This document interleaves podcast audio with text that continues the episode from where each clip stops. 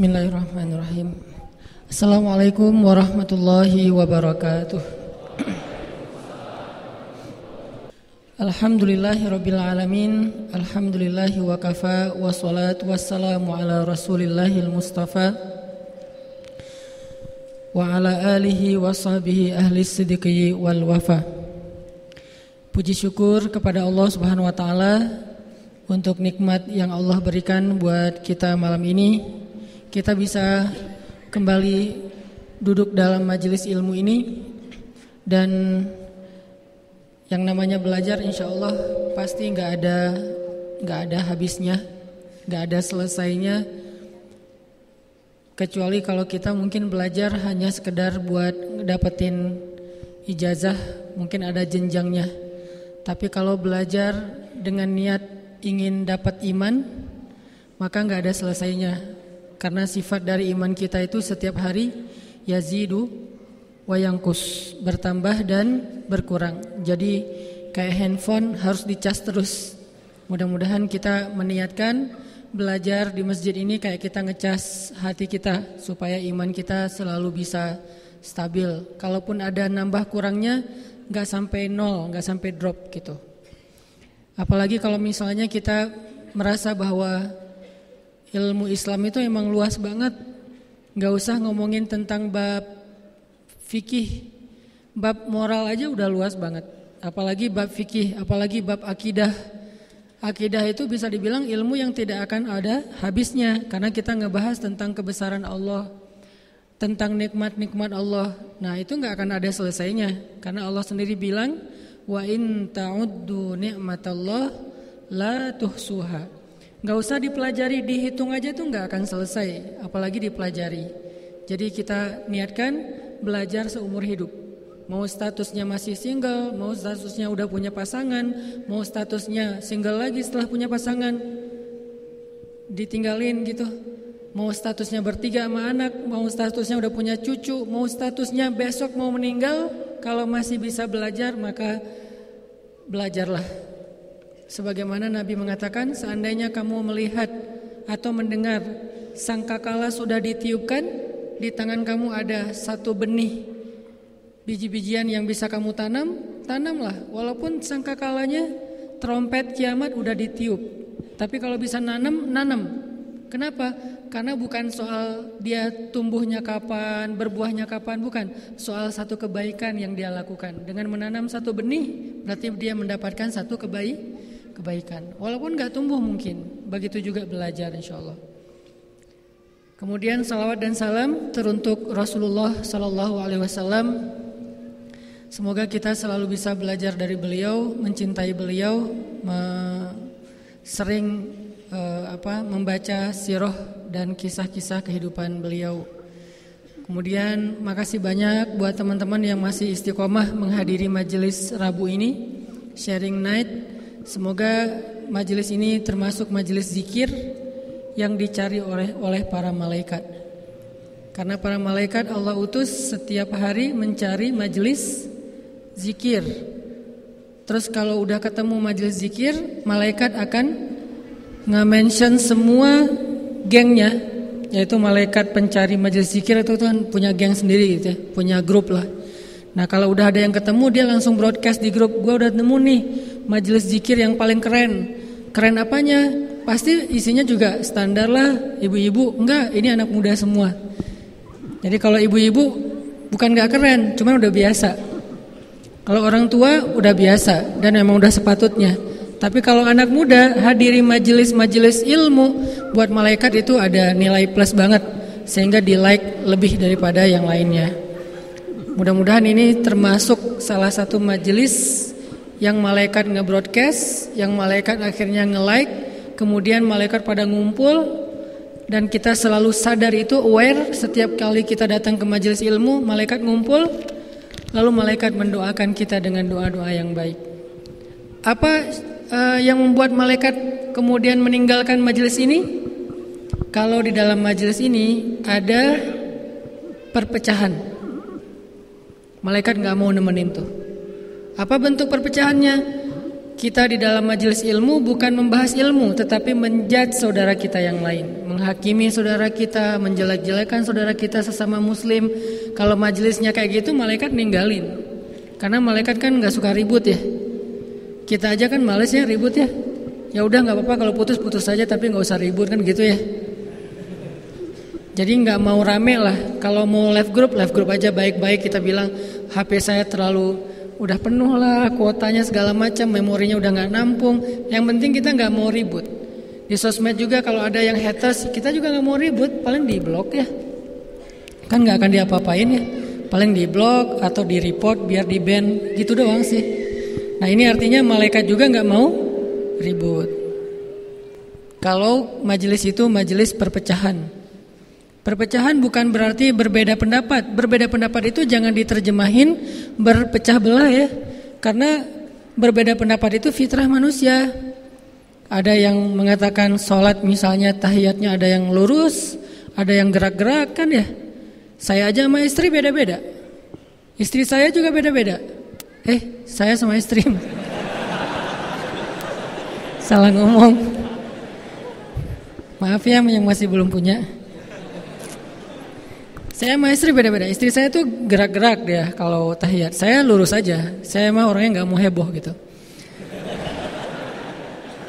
Tapi saya menghargai. Kalau saya jadi imam saya lurus, dia gerak-gerak di belakang. Anak saya yang lucu. Dia ngelihat ayahnya lurus, ibunya gerak-gerak. Akhirnya dia pegangin sama anak saya. Jangan gerak-gerak mah.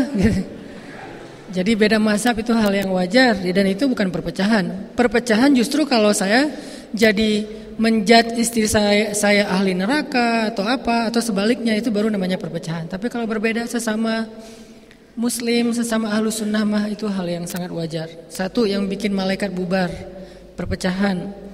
Kedua bikin malaikat bubar kalau kita di dalam majelis itu saling meninggikan suara. Saling meninggikan suara itu maksudnya saling marah, teriak, debat gitu. Nah itu malaikat nggak suka. Sehingga ayatnya la tarfa'u aswatakum atau uh, apa inna ankaral aswat la sautul hamir sesungguhnya suara yang paling jelek itu adalah suara keledai. Suara keledai itu apa ibaratnya? Suaranya kencang tapi dia nggak punya ilmu. Itu itu analogi tentang keledai. Karena di surat Al-Jumu'ah itu Allah ngomong keledai adalah hewan yang membawa banyak apa kitab-kitab tapi dia nggak ngerti kan ya?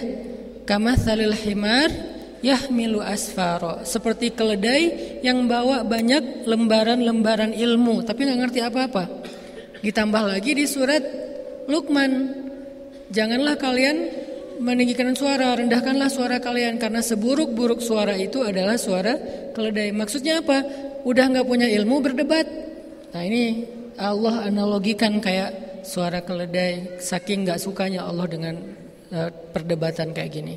Sehingga kita jaga majelis kita dari itu. Kemudian apalagi di situ ada arafas ada fusuk ada jidal. Jidal berdebat tadi. Kalau fusuk itu bertengkar berdebat dengan bertengkar bedanya apa kalau bertengkar yang dibahas mungkin bukan masalah ilmunya kalau berdebat masalah ilmu tapi sama-sama ngotot nih nah kalau yang rafas kata-katanya tidak baik Kata-kata yang baik itu yang paling tinggi yang ada nama Allahnya itu pasti baik. Makanya nama paling baik yang ada nama Allahnya Abdullah, apalagi Abdurrahman itu kan nama paling baik karena ada kata Allah. Walaupun mungkin kita agak ngeremehin. Kenapa? Nama pasaran. Ini enggak pasaran karena nama ini adalah nama pemilik langit dan bumi. Kalau kita nggak mau ngasih nama anak kita atau kita nggak senang dipanggil dengan nama ini nggak apa-apa itu bukan masalah. Tapi jangan meremehkan namanya karena itu nama yang sangat sempurna. Malah kalau mis kalau kita misalnya nih saya mau punya anak misalnya, nanti dikasih nama siapa gitu yang bukan Abdullah bukan Abdurrahman.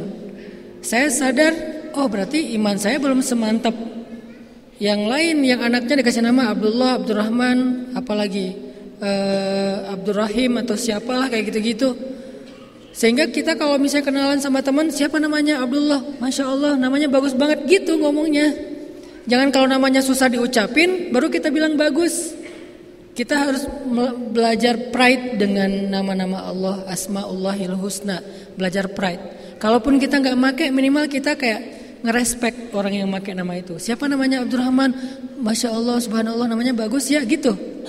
Walaupun nama kita bukan nama yang kayak gitu, minimal kita menghargai. Nah ini udah bagian dari kata-kata yang paling baik. Setelahnya kata-kata yang ada doa. Muhammad itu kan doa kan, orang yang terpuji.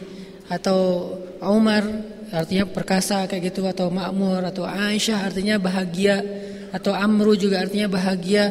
Ada banyak nama-nama keren yang isinya doa bisa bahasa Arab, bisa bahasa Sunda, Asep itu kan juga bagus kan artinya. Atau Cecep gitu kan. Ujang apalah pokoknya nama-nama keren lah secara mak makna. Di bawahnya kata-kata yang tidak mengandung kalimat nama Allah, tidak mengandung doa, tapi juga bukan celaan, Ya biasa-biasa aja kayak saya ngomong ini kan kata-katanya nggak ada bukan yang kalimat biasa gitu. Tapi kalau kita di dalam majelis zikir kayak gini ngucapin kata-kata yang nggak pantas, keluar kalimat yang nggak pantas di dalam masjid itu malaikat bubar. Jadi sayang. Kita capek-capek datang jauh-jauh. Kalau bercanda boleh nggak usah? Boleh. Nabi juga bercanda dengan sahabat di dalam masjid, di dalam masjid selama tidak berdusta dengan candaannya, selama tidak mencela orang lain, selama tidak ada kata-kata rafas atau men, apa e, kalimat yang tidak pantas gitu, elegan, tapi bercanda, tapi elegan. Nah, ini masih wajar. Karena Allah juga senang dengan hamba-hambanya yang bahagia duduk dalam majelis ilmu, tersenyum. Kadang-kadang kalau nggak nggak tersenyum pun nggak apa-apa, tapi dia dapat sakinah, tunduh ya. Sakinah. Wah, kenapa ini kok pada tenang? Sakinah. Karena dua tempat dapat sakinah, satu di dalam majelis ilmu, satu lagi mungkin agak susah nih di dalam pelukan istri. Cie. Belum pernah ngerasain kan? Maaf ya. Itu sakinah. Dua itu tuh. Kalau saya alhamdulillah. Sakinah di sini ntar pulang juga sakinah alhamdulillah. Kenapa kok teman-teman betah banget di masjid? Karena nggak ada sakinah lain selain di sini. Cuman ada di sini kan? Mau pulang sakinah ke mana? Masa ke teman sekos-kosan mau sakinah-sakinahan kan aneh. Jadi alhamdulillah dapat sakinah di sini. Nah ini nggak apa-apa. Yang jelas majelis ilmu tidak akan batal keberkahannya dengan ketawa selama tidak berlebihan, dengan bercanda selama tidak berlebihan, dengan tidur selama nggak sampai ganggu orang di sebelah gitu kan. Ini masih masih wajar. Tapi kalau udah ada kata-kata yang nggak pantas, baik kita yang ngucapin atau ustadznya, ini sayang. Malaikat udah pada bubar, udah nggak mau lagi ikut bareng. Kenapa? Malaikat itu elegan banget. Malaikat itu punya standar, punya selera yang tinggi malaikat teh. Kita aja kadang-kadang ada orang tertentu yang kalau kita salah ngomong dikit dia udah udah gimana berubah raut wajahnya kan? Kenapa? Karena dia orang yang sangat peka. Ada orang yang misalnya kita Pernah nggak teman-teman duduk sama teman-teman yang lain sama gengnya gitu? Terus di antara kita tuh kayak ada satu orang teman yang paling baik di antara kita yang nggak pernah ngomongin orang lain. Nggak pernah dia ngomongin orang lain. Begitu kita ngomongin tentang teman kita yang lain kayak ngegosip gitu, dia langsung berubah raut wajahnya. Padahal itu manusia biasa loh. Apalagi malaikat. Malaikat nggak suka banget yang kayak gitu-gitu karena mereka tidak diciptakan untuk berbuat dosa. Sehingga sedikit aja ada dosa buat mereka itu kayak ngeganggu banget. Sama kayak kita misalnya nggak pernah makan pecin kayak gitu-gitu tuh nggak pernah. Sedikit aja dikasih itu langsung sakit tenggorokan. Karena nggak pernah ngerasain yang kayak gitu. Sama kayak anak kecil ada beberapa orang yang tipenya nggak pernah makan pedas. Buat kita sih nggak ada rasa pedasnya. Buat dia udah minum air berapa gelas tuh. Kenapa? Saking peka, saking sensitifnya dengan cabai. Gitu juga malaikat. Malaikat tuh sensitif banget dengan dosa. Sedikit aja ada yang nggak benar, malaikat langsung pergi. Makanya kenapa dalam Islam itu kalau kita mau sholat disuruh bersiwak teman-teman? Salah satu hikmah kenapa kita disuruh bersiwak selain Allah pastinya, malaikat juga nggak mau dekat-dekat kalau mulut kita tuh nggak nggak dibersihin, nggak harus wangi karena kalau mulut pakai parfum kan agak pahit ya. Jadi nggak usah gitu-gitu amat juga sih. Masa parfum mau ditelan beberapa tetes biar wangi nggak perlu. Tapi minimal pakai siwak supaya aromanya aroma natural, aroma mulut. Tapi kalau aroma bangun tidur kan beda nih. Ini malaikat nggak suka. Allah lebih lagi karena Allah itu sangat sangat suci. zat yang maha suci dan malaikat juga makhluk yang sangat su suci nggak suka yang gitu-gitu nggak usah aroma mulut malaikat pernah nggak ada nggak masuk ke rumah nabi itu gara-gara apa? Ternyata ada bangkai kayak binatang kecil apa cicak atau apa gitu di bawah kasur nabi yang nabi juga nggak tahu. Itu aja malaikat males. Sama kayak kita kalau ada tempat piring cuman ada sedikit setitik kotoran doang di piring itu. Kan kita nggak mau makan dulu kan? Atau gelas kita ada air terus masuk sedikit kotoran yang kita lihat ini apaan sih kok agak-agak mencurigakan? Kan males kan minumnya ya apalagi malaikat malaikat tuh lebih sensitif dari kita bersihnya tuh bersih bersih beneran makanya kalau kita duduk dalam majelis ilmu terus kita ngeluarin satu kata-kata apalagi pembicaranya yang tidak ada kalimat yang baik atau minimal eh, apa jangan sampai nambah dosa gitu. Kalau sampai nambah dosa malaikat udah bubar. Sehingga majelis itu termasuk majelis yang terabaikan. Sayang kita duduk ramai-ramai datang jauh-jauh, ternyata kita nyaman sih. Mungkin candaannya, mungkin apanya bikin kita agak melek gitu, nggak jadi ngantuk. Tapi malaikat nggak ikut ngedoain lagi kan sayang nih. Kita berharap kan duduk di sini tuh didoain juga sama malaikat. Terus selama satu jam setengah tuh malaikat cuman bilang gini, ya Allah sayangi dia, ampuni dia, sayangi dia, ampuni dia. Terus jam setengah, coba didoain orang soleh aja, kiai sekali doang itu udah ngaruh dalam hidup kita. Gimana malaikat yang lebih daripada para kiai? Jadi jangan sampai kita merusak adab-adab majelis ilmu. Apalagi kalau kita majelis ilmunya berwudu kayak sekarang habis maghriban pakai parfum khusus buat cowok-cowoknya pakai parfum. Udah gitu eh, apa bersihkan hati. Wah malaikat demen banget tuh sama majelis kayak gitu. Malaikat betah banget di antara mereka. Dan jumlah malaikat lebih banyak daripada jumlah kita. Memang muat Ustadz muat karena malaikat itu nggak melebar gini ke atas ke atas sampai ke langit. Jadi malaikat tuh kayak tersusun-susun.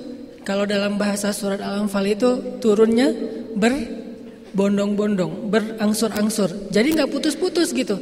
Dari langit pertama sampai ke posisi kita sekarang. Jadi ibaratnya sekarang tuh malaikat insya Allah ada di antara kita, di atas kepala kita sampai ke langit. Jadi nggak ada, oh, kalau malaikatnya banyak gimana muat Ustaz pusdai kita aja nih udah berdesak-desakan, nggak. Karena malaikat itu space-nya nggak ke samping tapi ke atas. Ini majelis yang kita perlu jaga terus teman-teman.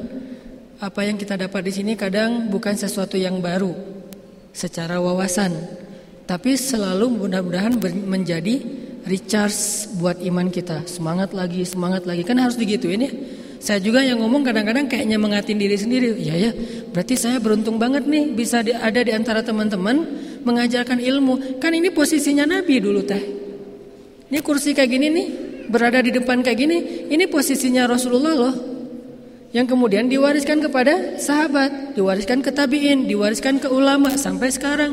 Berarti saya merasa, masya Allah, saya di, diistimewakan banget oleh Allah bisa berada di posisinya Nabi, sehingga uh, Nabi bilang ulama pewaris Nabi, sehingga saya jadi terus semangati, oh capek-capek juga harus datang gitu. Ini charge buat kita semuanya. Eh ini belum masuk materi sebetulnya. Gak apa-apa ya penyemangat dulu buat kita. Insya Allah nanti kita lanjutkan lagi setelah sholat isya. Barakallah. Bismillahirrahmanirrahim. Teman-teman yang dirahmati Allah Subhanahu wa taala, tadi kita membahas tentang keutamaan duduk di dalam majelis ilmu dan hal yang coba kita selalu bangun kesadaran dan niat kita di dalam hati bahwa duduk dalam majelis ilmu itu bukan hanya buat nambah wawasan. Karena kalau cuman buat nambah wawasan, kita bakalan bosan kalau materinya itu-itu saja. Jadi kayak ngerasa ah saya ini udah tahu, ini udah tahu. Tapi lebih dari itu yang paling penting dalam majelis ilmu itu adalah tajdidul iman, memperbaharui iman. Jadi bisa dibilang bertambah ilmu itu harusnya bertambah iman. Kalau bertambah ilmu cuman bertambah wawasan tapi nggak bertambah iman, kayaknya agak-agak ada yang miss nih. Kurang kurang greget. Karena ilmu itu tempatnya di sini, bukan di sini. Kalau ilmu kita cuma letakkan di dalam hafalan, di dalam wawasan, gak terlalu banyak manfaatnya buat kita. Cuman sekedar jadi bahan debat, cuman sekedar biar dibilang musakof orang yang berwawasan, cuman sekedar untuk dapat gelar gitu ya. Hanya untuk bisa bicara di depan umum. Tapi kalau ilmu itu diletakkan di hati, maka walaupun kita mungkin nggak pintar ngomong di depan umum, tapi ilmu kita itu benar-benar bermanfaat. Minimal buat kita dulu nih litajdidil iman untuk memperbaharui iman. Karena uh, Allah sendiri bilang innama yakhsyallaha min ibadihil ulama. Orang yang takut kepada Allah di antara hamba-hambanya itu adalah orang yang berilmu. Dan takut itu sifatnya hati adanya di dalam hati. Takut cinta uh, apa takut berani cinta benci nyaman bahagia susah semuanya ada di dalam hati. Nah kata Allah orang yang paling takut kepada Allah di dalam hatinya adalah orang yang berilmu. Ini artinya apa? Berarti salah satu cara ngebangun rasa takut itu dengan mencari ilmu.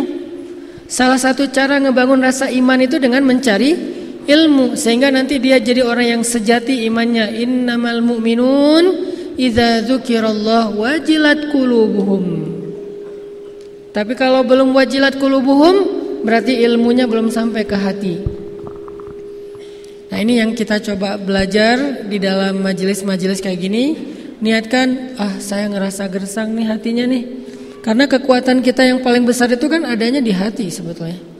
Apalagi kalau kita mau berakad dengan Allah, akadnya itu di sini, bukan di lisan. Kalau dengan akad lisan itu kepada manusia, saya terima nikahnya kan nggak cukup di hati doang ya. Yang penting kan saya cinta, nggak perlu akad, nggak bisa. Kalau dengan manusia harus dengan lisan. Kenapa? Karena manusia nggak tahu isi hati.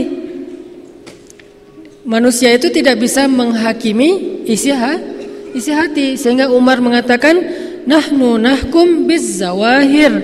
Kita tuh cuma bisa menghukum sesuatu yang tampak. Sehingga dengan manusia akad jual beli, akad utang piutang, akad pernikahan, akad cerai, semuanya dengan lisan.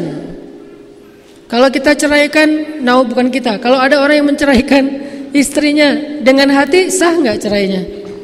Dalam hati, enggak itu nggak jatuh talak sama sekali itu.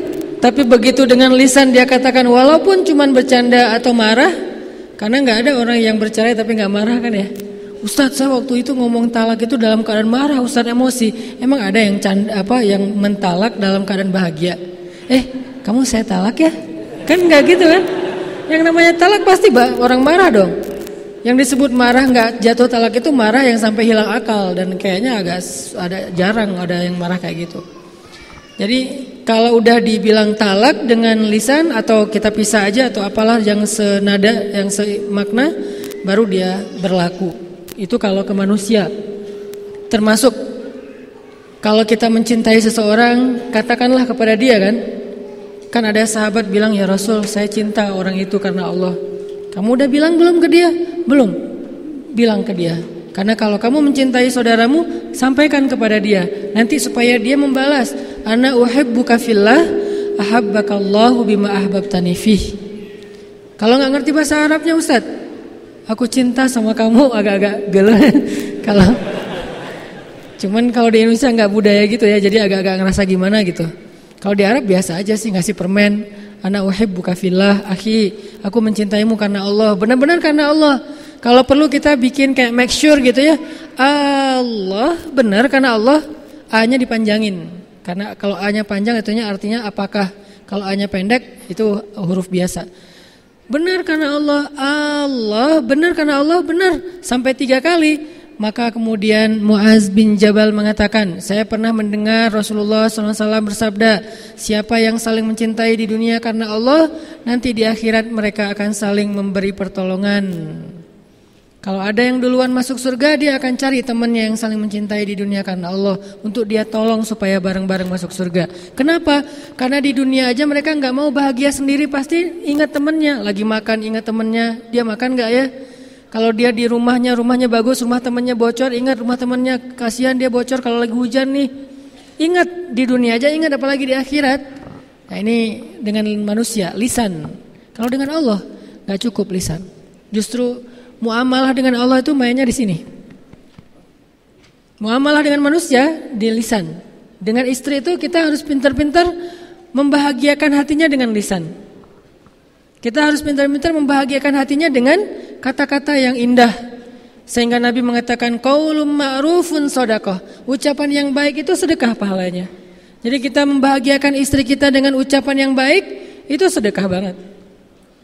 Kita membahagiakan istri kita dengan apa dengan teks atau dengan WA WA yang romantis itu membahagiakan dan itu sedekah berpahala di sisi Allah. Ini kalau manusia, kalau Allah nggak kadang-kadang nggak cukup.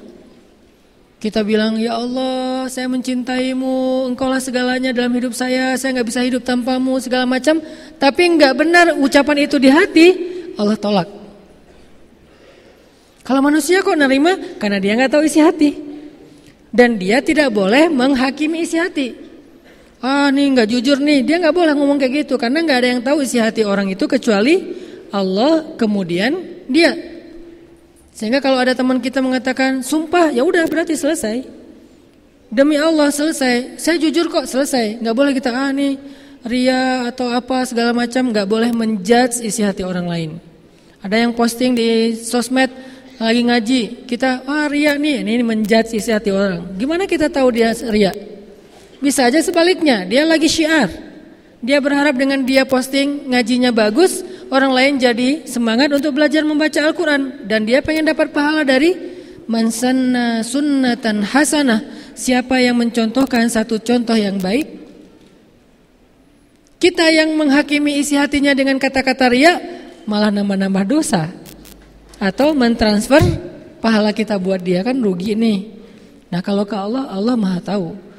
Wa asirru qawlakum aw bih innahu alimun bidzatis sudur. Kalian sembunyikan kata-kata kalian atau kalian nyatakan innahu alimun bidzatis sudur. Allah tahu banget lah isi hati kalian kata Allah. Sehingga kalau kita cuman berucap ngegombal ke Allah tapi di hatinya tuh nggak jujur, Allah nolak gombal kita. Apa contoh gombal ke Allahnya? Inna solati wa nusuki wa mahyaya wa mamati lillahi rabbil alamin. Itu keren banget kan kata-katanya?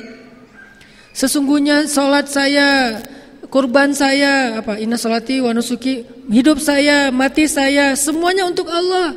Tapi nggak ada di hati kata-kata itu, maka Allah akan menolak kata-kata tersebut. Sama kayak orang-orang mengatakan wa minan nasi man yaqulu amanna billah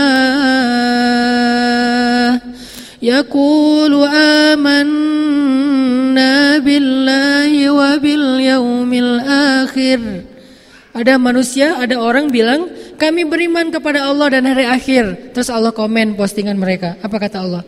Ma hum bimu'minin. Enggak, mereka enggak beriman. Ditambah lagi komen sama Allah berikutnya. Jadi di replay, di replay, di replay komennya tuh berkali-kali. Apa komen berikutnya? Yukhadi'un Allah walladzina amanu wa ma yakhda'una illa anfusahum wa ma yash'urun. Mereka bohong kata Allah. Kenapa kok Allah menjudge seorang yang berkata-kata baik, kami beriman, kami beriman, kata mereka kan baik kan kata-kata ini ya. Asyhadu an la ilaha illallah, inna salati wa nusuki, apalagi hasbi Allah wa ni'mal wakil, la haula wala quwata illa billah. Apalagi kalimat-kalimatnya. La'allahu khair, iyyaka na'budu wa iyyaka nasta'in. La tahzan innallaha ma'ana semua kata-kata yang baik, tapi Allah komennya enggak, kata Allah. Bohong kata Allah. Kok Allah menjudge kayak gitu padahal ucapannya baik? Jawabannya ada di ayat berikutnya. Fi qulubihim marad. Karena di hati mereka ada penyakit. Apa penyakitnya? Gak jujur. Makanya kalau ke Allah muamalah itu di sini letaknya. Kalau ke manusia dengan lisan, makin baik dalam kita berkomunikasi, makin orang bahagia. Makin orang jadi teman dekat dengan kita, makin bagus cara kita nulis caption, atau kita nulis teks WA kita tuh pakai emoticon guling-guling lah, big hug lah, nangis lah, kiss lah segala macam, makin jadi kayak geng banget ya, sahabatan banget. Apalagi buat cewek-cewek kan senang pakai emoticon tuh. Eh, kadang-kadang kalau di line nah, emoticonnya sampai di share segala macam karena itu kayak bahasa komunikasi. Kalau ke Allah nggak bisa. Kalau ke Allah itu di sini dulu, baru di sini. Bukankah Nabi mengatakan Allah tidak melihat kepada penampilan kalian, Allah tidak melihat kepada perbuatan kalian, tapi Allah melihat ke hati kalian. Maksudnya bukan nggak penting penampilan dan perbuatan, bukan. Tapi maksudnya kalau hatinya nggak selaras, penampilan dan perbuatan itu ditolak sama Allah. Bukankah innamal a'malu bin niat? Semua amal itu tergantung dengan niat dan niat itu mahalluha al-qalb. Niat itu tempatnya adalah hati. Berarti interaksi kita, akad kita dengan Allah itu dimulai di sini. Kalau di sininya mantap, wah banyak banget keajaiban terjadi dalam hidup kita. Banyak banget kalau di sini mantap. Kita nggak butuh kalimat panjang, satu kata aja cukup. Kalau di sininya mantap, udah ada akad dengan Allah. Satu kata aja untuk ngeklaim, udah cukup. Apa kata itu? Allah. Udah selesai. Kita udah baca Al-Baqarah, baca segala macam, masih aja ketakutan kan ya? Kita yang gemetar. Nabi cuma dengan satu kata Allah musuhnya yang gemetar. Kita malam-malam sendirian mungkin di rumah atau di kos-kosan dan banyak cerita-cerita serem kata orang-orang di kos-kosan itu di belakang rumah segala macam. Kita bacalah Al-Baqarah lengkap tuh 286 ayat dibaca. Kan masya Allah ya. Ada berapa kata Allah di dalam surat itu? Kok masih gemetaran? Kok masih nggak bisa tidur? Kok masih masih khawatir? Karena kita membaca itu dengan lisan, bukan dengan hati. Ketika kita membaca ayat Allahu waliyul ladzina amanu, padahal cukup ya satu kata itu, satu kalimat. Allah Allah Allahu waliyul ladzina amanu, pelindung orang yang beriman. Kan selesai ini seharusnya. Allahu waliyul ladzina amanu. Ya udah saya yakin. Selesai seharusnya. Udah tenang, tumak nina, bisa tidur, sakinah. Padahal kan kata-katanya tuh udah mantep banget. Kenapa masih kurang? Di sininya belum. Kita baca Al-Mulk, kita baca Yasin, kita baca banyak surah di Al-Quran yang semuanya juga baik. Al-Kahfi. Kenapa kok nggak bisa bikin kita tenang ketika ada masalah? Lagi ada masalah galau berat nih, baca la tahzan innallaha ma'ana. Kita ulang-ulang. Lagi galau berat, baca uh, Tabarakalladzi biyadihil mulku wa huwa ala kulli syai'in qadir. Kok masih galau? Karena lisan kita nggak klop dengan hati kita. Jadi nggak akan terjadi apa-apa dalam hidup kita. Kenapa nggak terjadi apa-apa? Karena kita nggak lagi bermuamalah dengan Allah. Kita lagi bermuamalah dengan orang atau dengan diri kita sendiri. Kalau kita pengen dapat pertolongan dengan Allah, pertolongan dari Allah, muamalahnya pakai ini. Bukan pakai ini doang. Kalau pakai ini, nggak usah panjang-panjang. Allah aja bisa selesai masalahnya. Kayak Nabi lagi ditodong senjata, benar-benar ditarik dikit aja. Itu kan pedang tajam banget tuh. Ditaruh di sininya Nabi atau mungkin di sininya. Wallahu alam yang jelas di leher Nabi, taruh di sini, ditarik sedikit, itu langsung kayak kita motong ayam. Benar-benar langsung Nabi kegorok itu. Dan itu benar-benar nggak ada yang melindungi Nabi di antara manusia. Dia bilang, siapa yang akan menyelamatkan kamu Muhammad sekarang? Teman-teman kamu, sahabat-sahabat kamu jauh. Nabi melihat ke arah dia dengan tenang dan hatinya mantap mengatakan, Allah langsung jatuh tuh pedang. Dia bukan megang pedang santai-santai gitu, megangnya kan namanya juga mau gorok kan ya. Udah kayak orang megang samurai gitu kan, udah udah siap-siap nih, mau ditarik. Begitu Nabi bilang Allah gemetar sampai jatuh pedangnya, kira-kira gemetarnya gimana tuh sampai pedangnya jatuh? Kan dahsyat banget kata-kata Nabi. Bisa nggak kita kayak gitu ke calon mertua? Terus anak saya dikasih makan siapa? Allah. Wah beres. Kenapa nggak bisa malah kita yang tetap gemetaran? Nih kita belum kuat ya hatinya. Sinyal hati kita tuh, sinyal iman kita tuh ke Allah belum terlalu mantap. Lahum darajatun inda rabbihim. Orang beriman itu bertingkat-tingkat. Jadi rasa di hati kita itu nggak sama. Ada yang kuat banget, ada yang biasa-biasa aja, ada yang sedikit, ada yang putus-putus. Sekali ada rasa, sekali enggak. Artinya sekali yakin, sekali ragu. Kalau sakitnya cuma sakit apa kayak panas doang, dia yakin Allah Maha Penyembuh. Giliran sakitnya lebih parah, dia mulai ragu kepada Allah. Kenapa yang tadi sembuh yang enggak, yang ini enggak? Yang tadi yakin, yang ini ragu. Kenapa kalau misalnya yang sakit kepala dia bisa sembuh? Karena kalau sakit kepala ringan, dia yakin sama Allah Maha Penyembuh, jadi sembuh.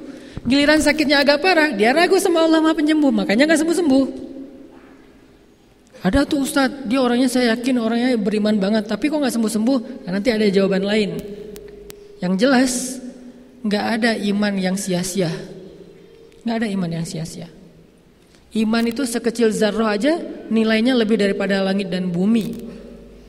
Bukankah Nabi banyak banget hadis tentang mengatakan satu amal yang lebih baik daripada bumi dan seisinya atau langit dan bumi kan? Itu sekecil zarroh amalnya, tapi lebih berat daripada langit dan bumi. Kalimat subhanallahi wa bihamdi, subhanallahil azim aja itu kalau ditimbang di satu dua timbangan yang satu ditaruh bumi dan langit, satu lagi kalimat subhanallahi wa bihamdi, subhanallahil azim itu lebih berat subhanallah daripada bumi dan langit.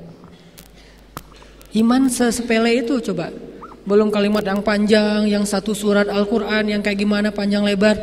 Cuman kata-kata yang singkat Kenapa? Kalau diucapkan dengan hati yang mantap. Jadi kalau kita pengen lihat keajaiban dalam hidup kita, ini nih yang ditajdid. Kita butuh majelis ilmu itu untuk ini nih. Untuk ngecas terus, untuk nguatin terus. Sehingga kalau ininya kuat, begitu kita angkat tangan, ininya mantap, Allah kasih. Dan saya walaupun bukan ahlinya, tapi saya dengan kelemahan saya tuh sering ngebuktiin itu benar-benar nyata loh. Benar-benar nyata, di luar dugaan, di luar nalar kita tuh bisa terjadi. Makanya kayak saya sering banget men-flashback tentang pengalaman-pengalaman hidup saya pribadi itu jadi kayak kata Allah di surat Al-Duha. Ketika Nabi lagi galau kan ya, enam bulan gak turun wahyu. Setiap hari Nabi ngelihat ke langit, mana ya Jibril kok gak turun-turun. Setiap hari Nabi ngelihat ke langit, mana Jibril kok gak datang juga. Mana Jibril, mana Jibril, mana Jibril. Selama enam bulan sampai Nabi sedih, sampai Nabi mulai berpikir kalau-kalau beliau sudah dicabut, dipecat jadi Nabi. Jangan-jangan Allah udah nggak ridho lagi saya sebagai Nabi ini. Jangan-jangan saya sudah diberhentikan. Jangan-jangan Allah udah memilih Nabi yang lain selain saya. Jangan-jangan saya udah nggak layak. Sedih banget. Kebayang nggak tuh sedihnya? Lebih sedih daripada ketika anak laki-laki beliau wafat. Sedih banget Nabi tuh. Itu salah satu adegan Nabi paling sedih ketika enam bulan nggak turun wahyu. Sampai Nabi menganggap bahwa hidup ini udah nggak ada artinya lagi kalau saya udah nggak punya uh, apa manfaat, udah nggak ada misi dalam hidup buat apa lagi saya hidup. Sedihnya luar biasa, murung terus-terusan.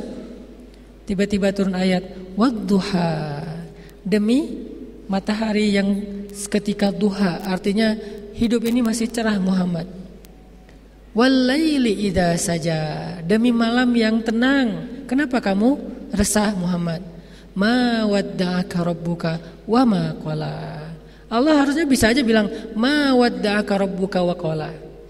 Tuhanmu tidak benci kepadamu dan tidak meninggalkan kamu. Eh, Tuhanmu tidak meninggalkan kamu dan tidak benci kepadamu. Enggak, Allah bilang Tuhanmu tidak pernah meninggalkan kamu, eh, tidak pernah benci uh, ya.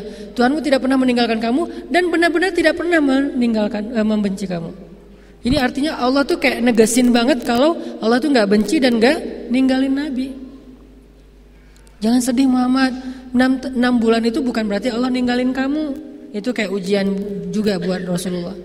Setelah itu uh, wala saufa yu'ti uh, walal akhiratu khairul laka minal ula wala saufa yu'tika rabbuka fatarda. Allah terus ngasih kayak motivasi buat Nabi Muhammad. Jangan putus asa wahai wahai Muhammad, jangan sedih wahai Muhammad, jangan berkecil hati wahai Muhammad, jangan menyerah wahai Muhammad. Aku pasti akan menolong kamu. Aku nggak pernah ninggalin kamu. Aku tuh nggak pernah jauh dari kamu. Allah ngomong kayak gitu coba. Surat Al-Duha itu tinggal dikasih nada Korea dikit tuh bener-bener kayak gitu. Jadi Allah kayak lagi kayak ngasih harapan buat Nabi Muhammad. Kamu jangan pikirin aku jauh dari kamu. Aku tuh nggak ngerejek kamu. Gitu. Kalau ekspresi saya mah ya. Aku tuh nggak pernah nggak baca WA kamu. Aku tuh nggak pernah ngeblok kamu. Aku tuh nggak gitu gitulah kalau bahasa kita uh, yang agak-agak gimana gitu ya. Kalau ke teman mungkin nggak nggak pernah gitulah. Yang jelas Allah kayak meyakinkan Nabi, Allah tuh nggak pernah ninggalin Nabi. Terus biar Nabi makin pede berjalan, makin yakin bahwa beliau nggak sendiri apa? Allah nyuruh Nabi flashback. Alam, coba kamu lihat ke belakang. Coba kamu ingat-ingat lagi. Alam yajidka yatiman fa'awa wa wajadaka dhallan fahada wa wajadaka ailan fa'aghna. Coba kamu ingat lagi masa lalu kamu Muhammad. Bukankah kamu dulu yatim? nggak punya ayah, kemudian nggak punya ibu, kemudian nggak punya kakek, kemudian sampai nggak punya paman, lalu Allah memberikan kamu terus orang yang akan mendampingi kamu. Nggak ada ayah, ada ibu, nggak ada ibu, ada kakek, nggak ada kakek, ada paman, nggak ada. Kemudian setelah selesai masa paman dengan istri yang luar biasa. Kenapa Allah nggak ngasih Khadijah itu semasa dengan Ummu Salama, Sauda, Aisyah? Kenapa? Karena satu orang Khadijah itu tidak sebanding dengan semua istri-istri Nabi yang lain. Dan Nabi butuh Khadijah di masa-masa merintis dakwah. Setelah dakwah sudah agak solid di Madinah, baru dikasih pendamping khusus masa-masa nyaman.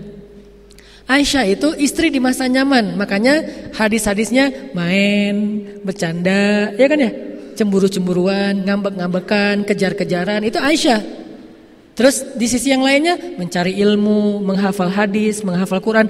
Karena Islam dakwah udah lumayan solid di situ tuh. Kalau masa merintis, masa-masa Nabi pulang dalam keadaan sedih, diselimutin, Nabi pulang dalam keadaan kotor, baju apa, tubuhnya dibersihin, itu Khadijah. Makanya alam yajidka yatiman fa'awa Buat saya, alam yajidka yatiman fil Qahirah di Kairo fa'awa Bukankah kamu sendiri dulu di Kairo berangkatnya sendiri nggak punya siapa-siapa? Lalu Allah memberikan kamu keluarga, berangkat sendiri pulang dua setengah. Kok dua setengah sama istri saya dan anak dalam kandungan istri saya? Jadi kita pulang berti, bertiga. Allah kasih keluarga, dikasih teman, dikasih geng. Sehingga di Kairo saya malah jadi betah, malas pulang karena udah terlanjur banyak banyak teman di sana. Baik orang Indonesia, orang Mesir, orang Afrika. Yang paling banyak teman saya itu orang Afrika. Mungkin karena agak-agak mirip kali ya, jadi banyak teman. Kita jalan bareng seru-seruan. Bukankah dulu berangkatnya sendiri? Siapa yang mendatangkan teman-teman, yang mendatangkan pasangan? Allah. Ingat itu, sehingga kalau kamu melangkah, nggak usah khawatir. Kan Allah di sana dan di sini sama. Nanti Allah yang akan membantu kamu dengan cara yang sama, bahkan lebih dahsyat dari itu. Sehingga saya nggak pernah khawatir. Awal saya datang ke Bandung juga kayak gitu. 2006, belum lama loh. 12 tahun yang lalu saya datang ke Bandung tinggal di Tegalega yang pojok ada pembuangan sampah saya bilang saya harus uh, apa bisa memberi manfaat lebih di kota ini saya berdiri di atas gedung Gria Jogja Kepatihan tuh saya naik ke atas saya lihat kota Bandung kenapa kok di situ kenapa nggak di tower Masjid Agung karena nggak punya duit untuk bayar masuk tower cari yang gratisan terus di ITC ya namanya. ITC kan ya yang dekat ke yang di kebun kelapa. Berdiri di atas. Ini kota Bandung. Saya harus memberi manfaat di sini. Saya harus apa 10 tahun lagi saya harus menjadi orang yang bermanfaat. Itu azam. Kenapa saya yakin? Bukankah saya di Mesir juga dulu kayak gitu? Awal saya datang ke Mesir hari pertama langsung ditaruh di sekretariat mahasiswa Aceh di lantai 21. Di, saya langsung duduk kan musim dingin waktu itu 6 derajat lah kurang lebih saya duduk di depan di balkon gitu pakai jaket melihat kota Kairo malam hari yang kelap-kelip lampu saya bilang lima tahun lagi saya di sini udah harus memberi uh, manfaat lebih harus jadi seseorang saya bilang bukankah saya sendiri datangnya tiba-tiba lima tahun kemudian saya punya keluarga punya teman alhamdulillah selesai kuliah di Al Azhar oh berarti itu modal alam ya jadi yatiman fa'awa kenapa di, di kalau di Kairo aja bisa kenapa di Bandung enggak kalau di Bandung aja bisa kenapa di tempat lain enggak? Alam ya jadi kayatiman fa'awa. Wa wajadaka dolan. Namanya anak baru kan dol ya. Apa dol? Bingung. Ini gimana nih? Ini gimana nih? Banyak bingungnya kan namanya orang baru. Awal-awal datang ke Kairo bingung naik bis tuh kayak gimana? Soalnya bis di Kairo tuh emang koboi banget. kita kalau misalnya ketinggalan ditinggal apa kalau kita misalnya nggak siap-siap di pintu pas mau turun ya lewat karena dia nggak pernah berhenti di halte hanya melambat sedikit terus kita turunnya sambil lari terus kalau udah jauh susah lagi nyari-nyari jalannya salah naik bus ya salah jalan artinya masih bingung nih gimana nih terus tinggal di mana terus saya makannya apa? Dolan. Fahada. Allah tunjukkan satu persatu nggak sekaligus. Pertama Allah amankan dulu masalah kebutuhan beasiswa. Allah tunjukkan tiba-tiba ada yang buka Ada lembaga kayak lembaga zakat gitu Buka beasiswa untuk anak baru. Datang Datang ngantri disuruh ngaji doang Lulus Alhamdulillah selesai satu. Fahada Udah dapat beasiswa Akhirnya fahadanya apa? Cari kos-kosan Dapat kokosan, awalnya cari yang paling murah di kampung. Yang saya cerita ada keledai segala macam di kampung banget. Selalu kayak gitu mulai kehidupan saya tuh dari awal banget dari bawah. Udah dapat kos-kosan, sekarang tinggal mikirin jalur dari kos-kosan ke kampus. Naik apa yang paling murah? Apakah naik MRT?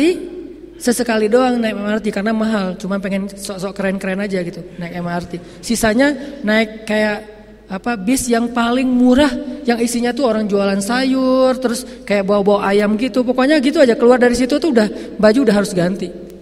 Belum lagi kalau musim panas kan keringat-keringetan terus oh segala macam. Keluar dari situ ah gimana ya kok jadi kayak gini? Itu naik itu. Kenapa udah fahada? Dari situ mulai fahadanya apa? Mulai kenal teman-teman orang Indonesia. Mulai ditunjukkan oleh Allah ide bikin usaha apa? Fahada Udah gitu, wajadaka ailan lapar, tadinya nggak punya penghasilan sendiri, faagna jualan bakso walaupun bukan saya yang bikin. Karena udah punya teman, Allah tunjukkan, dia yang bikin bakso, saya yang jual, nanti bagi hasil, dia 30%, saya 70%. Alhamdulillah ya. Dia baik banget, mau aja gitu. Dapat faagna kenyang gitu. Terus kalau lagi ada musim liburan kan suka kayak uh, acara gathering ya, saya catering gitu-gitulah. Terus kayak uh, ada musim anak baru datang, jual dolar. Musim haji jadi gaya di tanah suci. Fa'agna. Bukankah itu bukti? Makanya kata Allah Muhammad, alam yajidaka yatiman fa'awa wa wajadaka dhallan fahada wa wajadaka ailan fa'agna. Terus kenapa khawatir? Kenapa ragu? La tahzan. Innallaha ma'ana. Ini dibangun di sini. Dan ini yang membuat saya semakin yakin, yakin, yakin sehingga dengan keyakinan itu saya ngerasa bukan saya hebatnya, Allah yang hebat. Cuman kehebatan Allah itu nggak kita lihat langsung karena kita nggak yakin akadnya. Jadi tiket mau ngelihat show-nya Allah tuh, tiketnya itu iman. Jadi kita kalau pengen ngelihat Allah perform, Allah show dan show-nya tuh spektakuler banget, tiketnya di sini. Barcode-nya tuh ada di sini. Jadi kalau kita mau datang ke gate-nya, mau masuk ke acara show Allah, terus barcode-nya nggak ke detect, berarti emang ininya agak ini nih. Ngelihat dari jauh kan beda dengan jadi dekat. Kelihatan lampu warna-warni dari luar, ada show apa sih kok seru banget. Tapi kan kita jaraknya terlalu jauh, jadi nggak menakjubkan yang kita lihat. Kenapa ada orang yang melihat kehidupannya tuh menakjubkan banget? Karena dia ngelihatnya di barisan paling depan. Soalnya dia beli tiketnya dengan VIP tergantung barcode tiketnya dan itu ada di dalam hati kita teman-teman. Bukti buktiin deh. Kalau pengen lihat keajaiban Allah, percaya deh sama Allah. Ustadz, saya udah ngetes Ustadz. Ngetes itu nggak percaya namanya. Ngetes itu kan ragu-ragu, bener nggak ya? Bener nggak? Saya ngetes dulu deh. Itu ragu-ragu, nggak akan kelihatan. Percaya. Gimana caranya Ustadz? Coba percaya. Tapi kan percaya juga bertahap. Caranya Alam yajidika yatiman. Lihat masa hidup kita selama ini. Bukankah Allah yang nolong kita? Kalau kita ngerasa nggak kayak orang yang garing hidupnya nggak punya pengalaman, lihat pengalaman teman kita yang lebih unik. Lihat pengalaman orang-orang yang sering sharing yang lebih unik lagi tuh. Bukankah Allah yang nolong dia?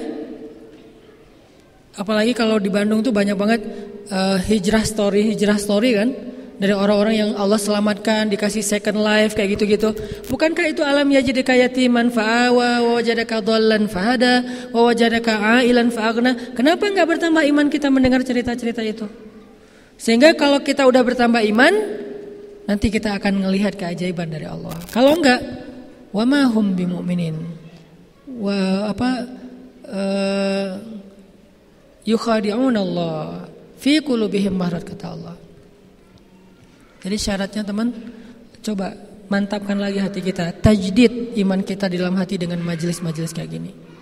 Itu yang bikin saya merasa kalau saya pribadi nih ya, bukan buka, uh, saya mungkin gak layak tapi saya merasa wa amma bini mati rabbika fahadis saya merasa ada satu kehebatan Allah yang saya pengen banget cerita ke banyak orang bukan sayanya hebat demi Allah Allahnya yang hebat dan kehebatan Allah ini kita harus tahu nah itulah motivasi saya men-share itu yang bikin saya pede banget ngapa-ngapain pede kenapa kan Allah yang tapi bukan berarti konyol ya. Tetap ada pertimbangan, tetap ada ikhtiar. Itu mah urusan zahir. Pertimbangan, ikhtiar, musyawarah itu urusan zahir. Ini kita lagi ngomongin urusan batin. Jangan sampai kita batinnya mantap tapi nggak ikhtiar. Kok nggak ada Ustadz? Dia terlalu woles. Terlalu kayak kemarin ada cerita teman di Surabaya tuh bilang Ustadz, saya tuh udah berusaha woles tapi kok nggak nggak lulus lulus ya Ustadz. Saya ketika ujian Wallace nggak belajar kata dia. Saya udah umur sekian, Wallace nggak ngelamar-ngelamar cewek. Ya tapi kok jadi hidup saya kayak gini-gini aja Ustaz? Itu bukan Wallace. Bukankah Nabi berlindung dari kepada Allah dari kata-kata A'udzubika minal ajzi wal kasal? Aku berlindung kepada Engkau ya Allah dari lemah dan malas. Itu malas bukan Wallace. Mudah-mudahan kita jadi tahu, oh berarti akad kita tuh di sini. Kalau mantap di sini nih, nggak akan kecewa. Terus kalau kita udah mantap, gimana cara Allah nolongin kita? Kalau kita yakin nih, udah berserah diri sama Allah, kalimat inna solati wa nusuki, kalimat hasbi Allah itu udah mantap di hati kita. Gimana cara Allah nolong kita? Kayak Bilal bin Rabah ketika dia diuji oleh Allah dengan disiksa Umayyah bin Khalaf, dan penyiksaan itu live streaming lagi tuh. Semua orang nonton kan ketika Bilal disiksa dan orang-orang pada komen, kasihan ya gitu. Yang lain nanya, siapa yang kasihan? Dikirain um, uh, Bilal, ternyata bukan. Umayyah kasihan. Karena kelihatan dia yang kewalahan, yang kecapean. Bilal mah biasa-biasa aja. Sakit sih tapi ketahan. Gimana cara Allah menolong Bilal? Ketika Bilal mengatakan satu mantra, satu kata saja, ahadun ahad. Ahad, ahad, ahad. Cuma satu kata. Bilal tuh nggak ngomongin Allahu la ilaha illa huwal hayyul qayyum la ta'khudhuhu sinatun wa la. Enggak. Tabarakalladzi biyadihil mulk wa huwa ala kulli syai'in qadir alladzi khalaqal mauta wal hayat. Enggak, dia enggak hafal ayat sebanyak itu. Dia cuma tahu ahadun ahad. Kenapa Bilal enggak baca doa yang panjang? Karena Bilal baru masuk Islam dan belum tahu agama ini kecuali ahadun ahad. Dia belum tahu Al-Qur'an yang panjang, dia belum tahu hadis, dia belum tahu wirid-wirid bahkan nanti sampai Bilal udah di Madinah juga dia wiridnya nggak banyak Bilal tuh dia pernah kayak kepo gitu ya Nabi lagi wirid terus Ibnu Abbas Ibnu Abbas tuh kan kayak anak kecil yang ke mana-mana ngikutin Nabi ya jadi Nabi buat dia tuh udah kayak ayah gitu ke mana Nabi dia ikut dan Ibnu Abbas dia cerdas kalau dengar sesuatu langsung ingat nggak pernah lupa lagi tuh nah, Ibnu Abbas juga didengarin sama Bilal, wah wiridnya panjang gini. Yang satu lagi, ini juga lebih panjang nih Rasulullah. Dua-duanya panjang. Bilal bingung, terus saya gimana dong? Bilal wirid saya nggak sepanjang mereka. Akhirnya Bilal punya wirid sendiri yang cuma empat kalimat. Dilapor ke Rasulullah, ya Rasulullah, saya tuh nggak punya wirid dan dana. Saya nggak punya wirid seperti wirid Nabi, wirid Ibnu Abbas, wirid Ali yang panjang-panjang. Boleh nggak ya Rasul? Kata Rasul, wirid kamu apa Bilal? Kata Bilal wirid saya, Allahumma inni as'aluka ridhoka wal jannah wa a'udzubika min sakhatika wan nar. Cuma empat hal. Itu kan wiridnya Bilal tuh. Allahumma inni as'aluka ridhoka wal jannah wa a'udzubika min sakhatika wan nar. Cuma itu doang ya Rasul. Nabi tersenyum. Nabi bilang, Bilal, wirid kami panjang-panjang, intinya itu-itu juga. Jadi Bilal itu menyimpulkan gitu, pinter ya. Wirid Nabi ke mana-mana, ujung-ujungnya adalah wirid Bilal. Jadi dia tinggal ngambil ujungnya aja. Robbana atina fid dunya hasanah. Beres kan? Wa fil akhirati hasanah wa qina azabannar. Itu udah apa uh, udah menyeluruh semua doa itu ada di situ. Makanya disebut pamungkas. Jangan remeh loh dengan doa itu.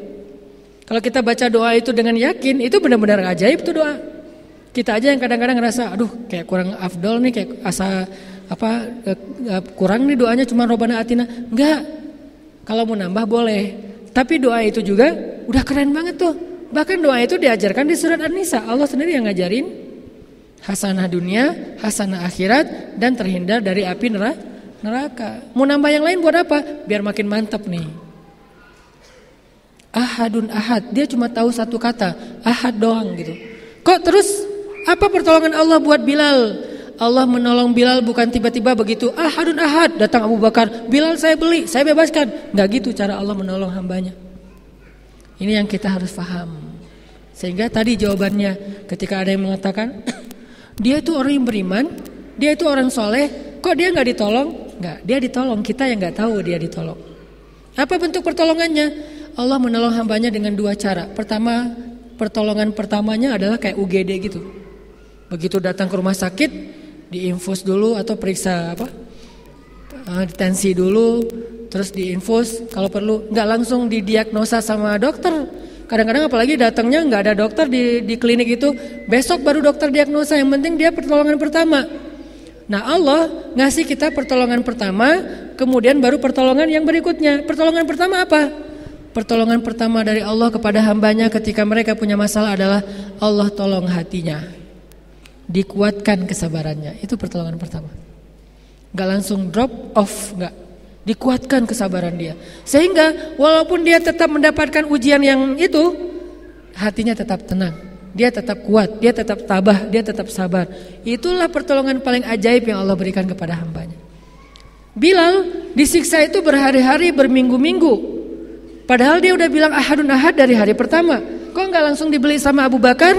Karena Allah ngasih pertolongan pertama buat Bilal bukan cara dengan cara dibebaskan, tapi dikuatkan hati Bilal. Sehingga ketika disiksa, Bilal sama sekali tidak mau beralih dari iman. Kata Umayyah pertama, "Wahai Bilal, tinggalkan agama eh, Muhammad, beralih kepada agama orang Quraisy." Ahadun ahad. Wahai Bilal, Muhammad itu nggak pernah bantu kamu dia sendiri di rumahnya dilindungi keluarganya. Kamu sendiri di sini nggak ada yang lindungi. Ahadun ahad. Wahai Bilal, ya sudahlah kalau kamu nggak mau meninggalkan agama Muhammad, minimal kamu mencela Muhammad aja, tapi agamanya tetap kamu peluk. Ahadun ahad. Ya udah, nggak usah mencela Muhammad, nggak apa-apa. Ya, minimal kamu jangan bilang lagi ahadun ahad. Ahadun ahad. Sebel nggak sih? Kan sebel banget nih jadi Umayyah bin Khalaf ya. Akhirnya Umayyah bilang, Bilal, sekarang saya tuh udah dari ujung udah men, apa ke tengah tuh udah jauh banget loh bilang masa kamu nggak bisa ditawar sama sekali sih? Saya tuh udah banyak kasih diskon. Tadi suruh kufur nggak mau. Terus suruh uh, apa mengkhianati Muhammad nggak mau. Mencela Muhammad nggak mau. Nggak usah ngomongin ahad aja juga nggak apa-apa nggak mau juga.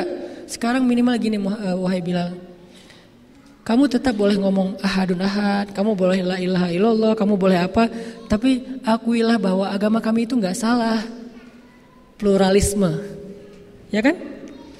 Kami juga benar, kamu juga benar. Cuman kamu lebih cocok dengan Allah, kami cocok dengan berhala. Gitu aja Bilal. Ahadun ahad. Apa enggak stroke tuh Umayyah bin Khalaf? Udah berkali-kali nawar nggak bisa. Kenapa Bilal bisa kayak gitu? Umayyah itu lemah hatinya, Bilal kuat hatinya karena Allah menolong hati Bilal. Kayak kita ketika awal berhijrah, sebutlah hijrah pekerjaan nggak mau lagi riba, nggak mau lagi yang kayak gitu-gituan, nggak mau lagi yang syubhat, nggak mau lagi yang haram, secuil apa pun kecuali darurat. Cuman itu alasan yang membolehkan. Dan ini belum jadi darurat, akhirnya kita tinggalkan. Apakah kita akan langsung dapat usaha dan langsung kemudian survive kaya, punya profesi yang luar biasa? Kayaknya SOP-nya nggak kayak gitu deh. Awalnya justru kita langsung diuji dengan lapar dulu, pendapatan nggak sebesar yang dulu, jadi berhemat, nggak bisa entertain, nggak bisa jalan-jalan. Dari keluarga juga mulai ada sedikit guncangan. Apa yang membuat kita bertahan dalam masa-masa kayak gitu? Hati kita. Kalau kita nggak yakin sama Allah, Allah nggak akan nolong hati kita. Akhirnya kita balik lagi. Apa nih maunya Allah? Ada yang kayak gitu. Dan lapor ke saya lagi curhat, Ustadz, saya pengen nanya. Tanya apa pak? Apa sih maunya Allah? Kok nanyanya ke saya? Nanya ke Allah dong. Apa sih maunya Allah? Saya tuh udah ngelakuin loh apa yang Allah mau. Saya udah ninggalkan pekerjaan riba saya. Saya udah sholat di masjid lima waktu. Istri saya sudah berhijab. Anak-anak udah belajar ngaji. Saya udah nggak nggak kayak dulu lagi minum segala macam. Tapi kok hidup saya kayaknya makin susah nih. Nah, dia nggak berakar dengan Allah di hatinya. Dia hanya mencari yang mudah buat dia dan menguntungkan. Dan itulah yang disebut dengan iman ala harfin imannya berada di pinggir. Sedikit saja ada guncangan langsung terperosok. Itu iman yang kayak gitu. Karena SOP-nya bukan kayak gitu. Jangankan kita, Bilal lebih soleh dari kita. Abu apa um, Khabab lebih soleh dari kita. Siapa lagi yang disiksa? Sumayyah lebih soleha daripada kita. Uh, Masyitah lebih soleha daripada kita kan? Ashabul Ukhdud yang dibakar hidup-hidup di dalam sebuah parit lebih soleh soleh daripada kita.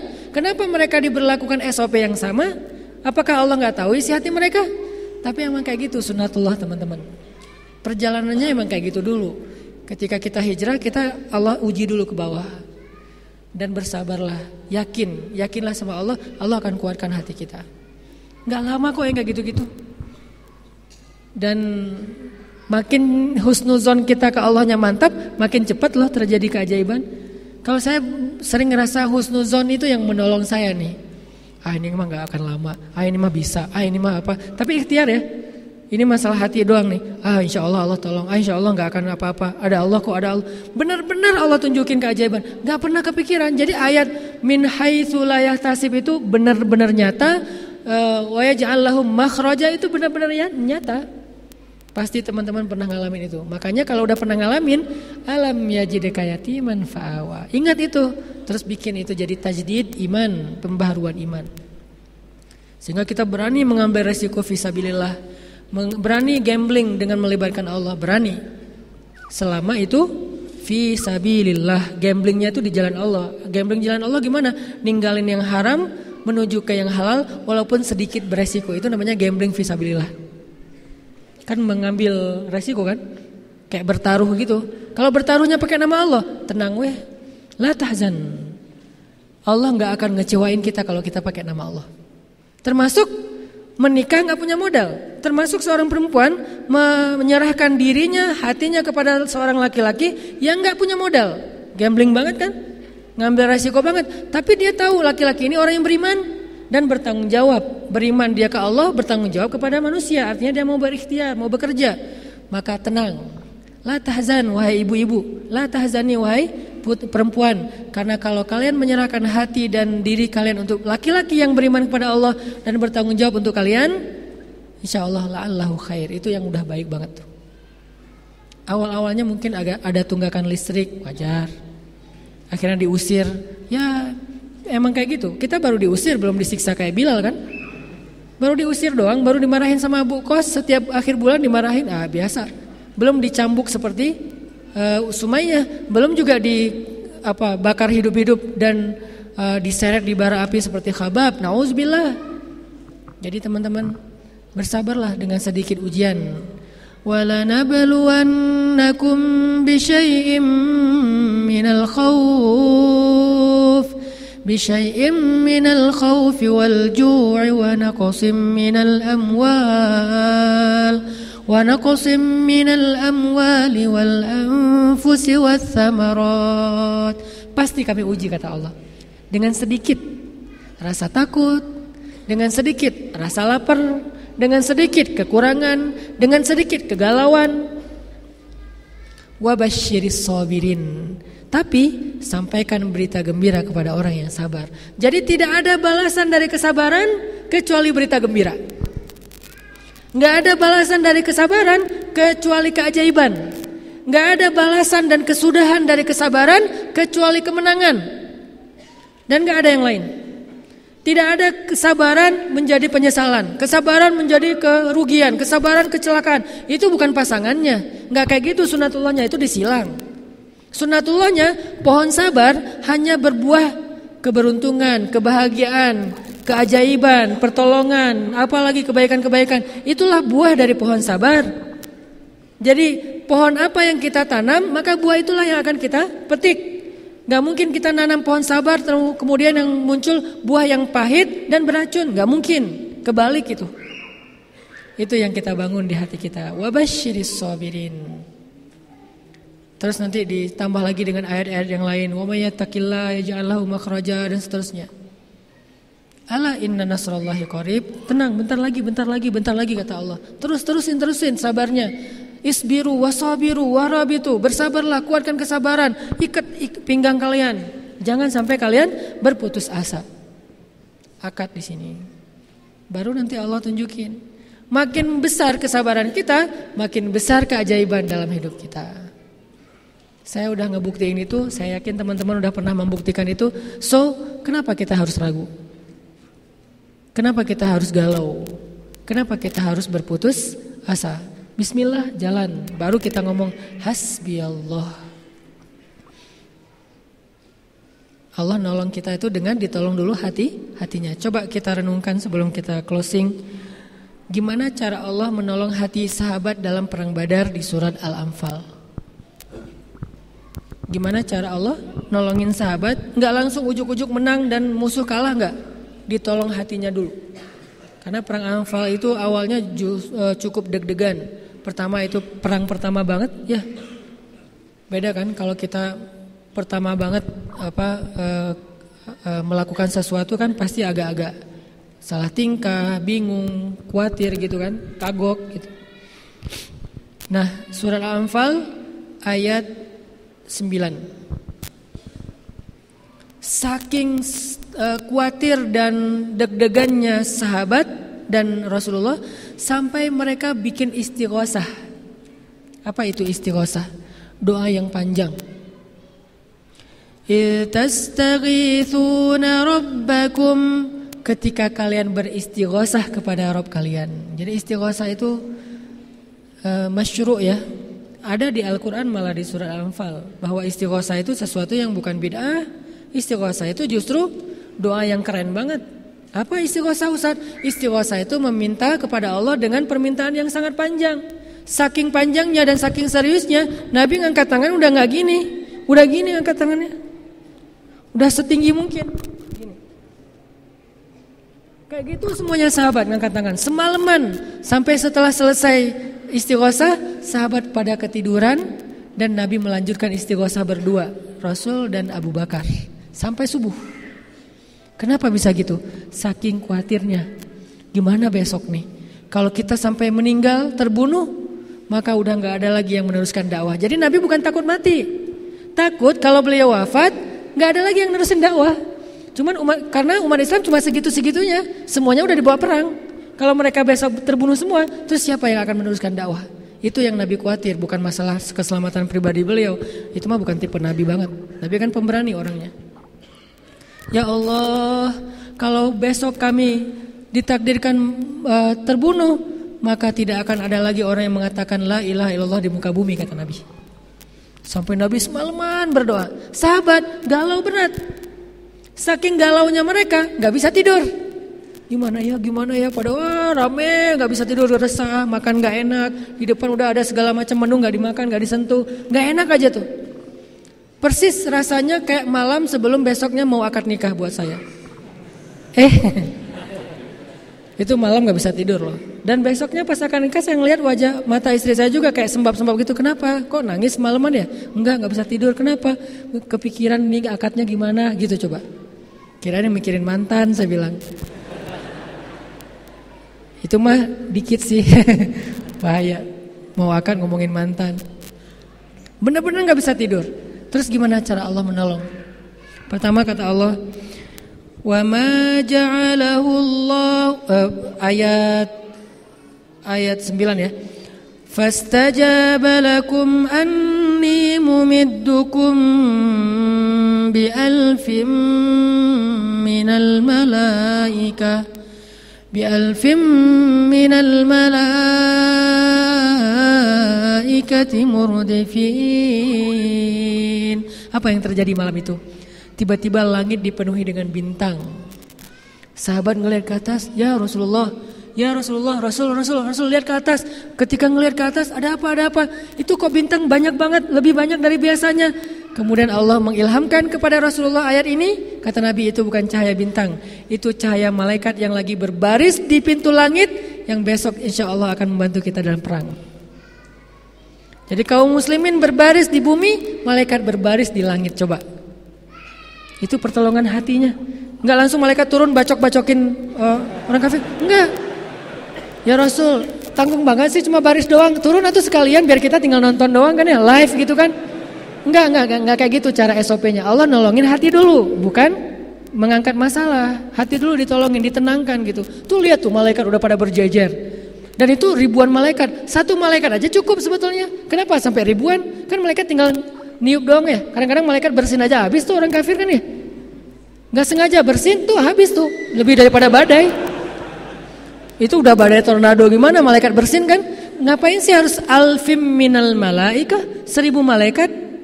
Kalau kita mau berpikir logis nih. Gak usah seribu deh ya Allah. Satu aja butuhnya. Asal malaikat kayak gitu apa nyentil doang itu satu pasukan kafir kadang-kadang nggak sengaja bukan cuma orang kafir orang-orang Islam juga ke bawah tuh karena saking gedenya tangan malaikat kan ngapain kok seribu seribu itu tujuannya untuk menguatkan hati orang yang beriman jadi kalian nggak sendiri wahai kaum muslimin tuh lihat di langit kalian di bumi berbaris 300 orang di langit 3000 malaikat eh 1000 malaikat 300 lawan 1000 bukan 1300 lawan 1000 itu baru benar matematikanya Perang Badar bukan 300 banding 1000, tapi 1300 banding 1000. Dan seribunya lagi itu apa?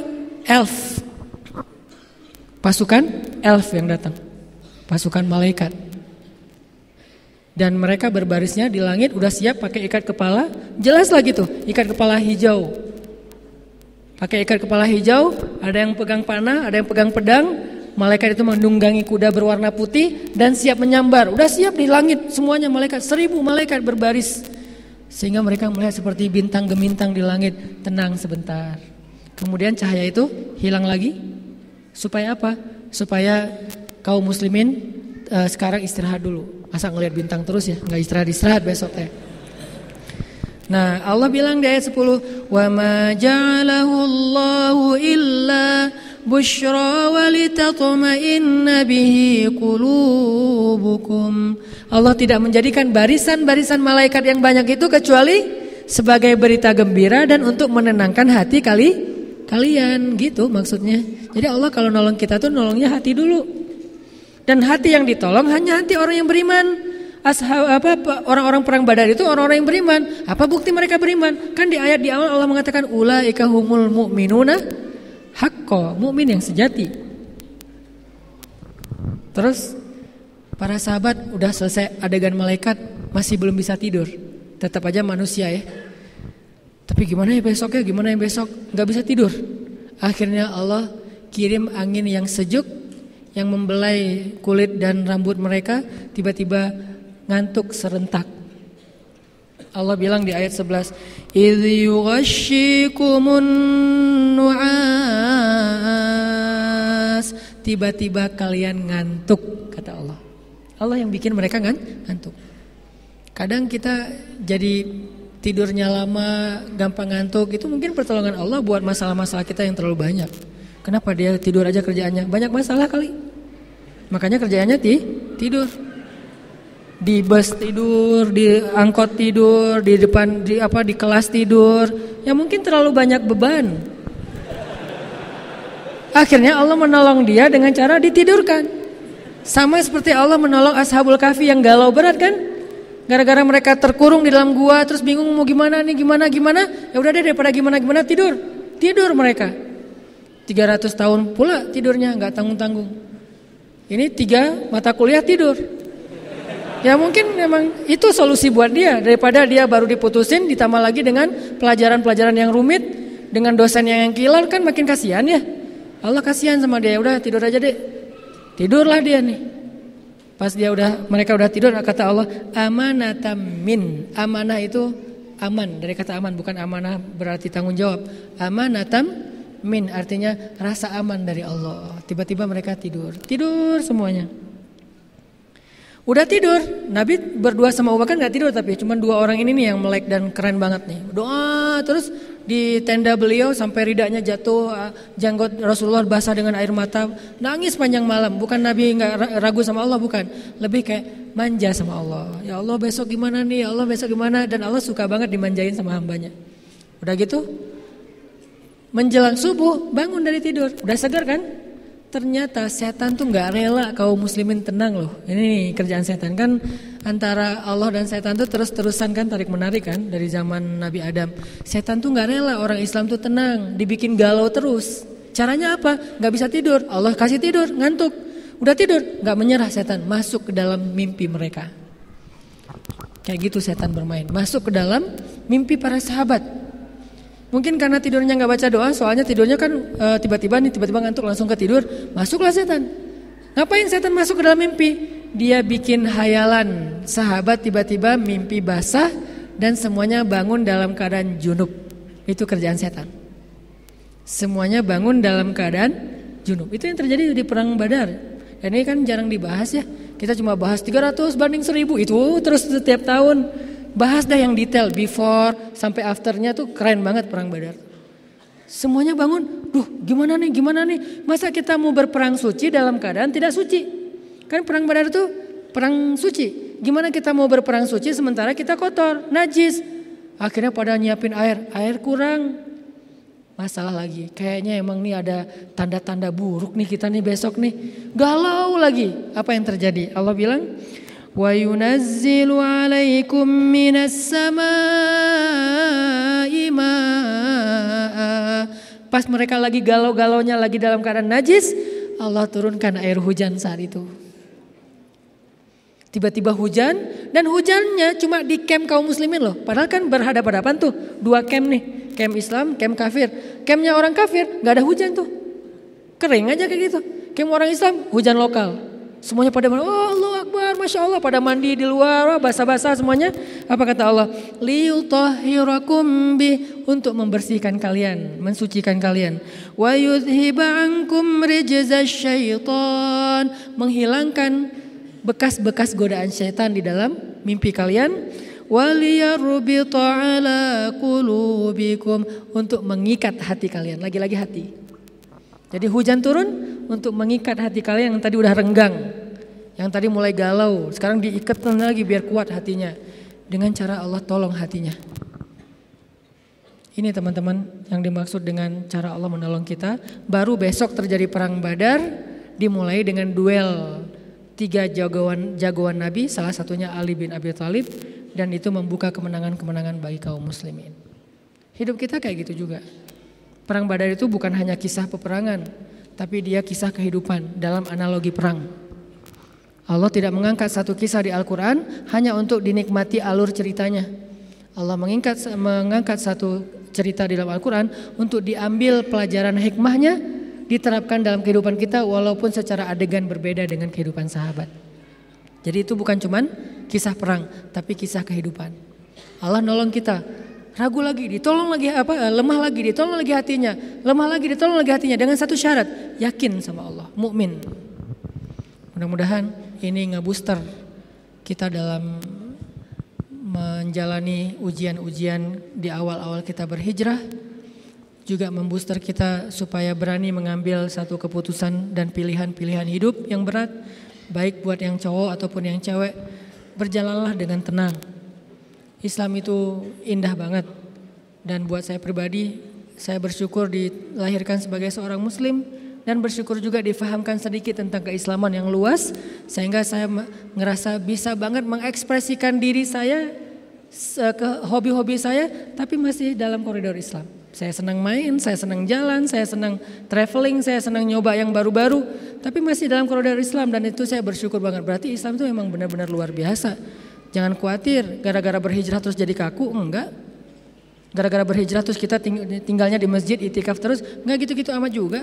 Ada waktunya masjid, ada waktunya jalan-jalan, ada waktunya belajar, ada waktunya kerja, ada waktunya keluarga. Islam itu keren banget teman-teman. Mudah-mudahan kita makin mantap nih. Raditu billahi rabba wa bi Muhammadin nabiyya wa bil islami dinan. Dan insya Allah uh, Allah Subhanahu wa taala memberikan kenikmatan ini untuk kita lewat Islam di dunia dan insya Allah kelak Allah berikan kenikmatan yang lebih besar dengan rahmat Allah di akhirat. Allahumma arinal haqqa haqqa warzuqna tiba'ah wa arinal batila batila warzuqna jitinabah Rabbana atina min ladunka rahmah wa hayyi lana min amrina rasyada waj'al lana min kulli dhiqin makhraja wa min kulli hammin faraja wa min kulli usri yusra Rabbana atina fid dunya hasanah wa fil akhirati hasanah wa qina azabannar. Subhanakallahumma wa bihamdika asyhadu an la ilaha illa anta astaghfiruka wa atubu ilaik. Jazakumullahu khairal. Wassalamualaikum warahmatullahi wabarakatuh.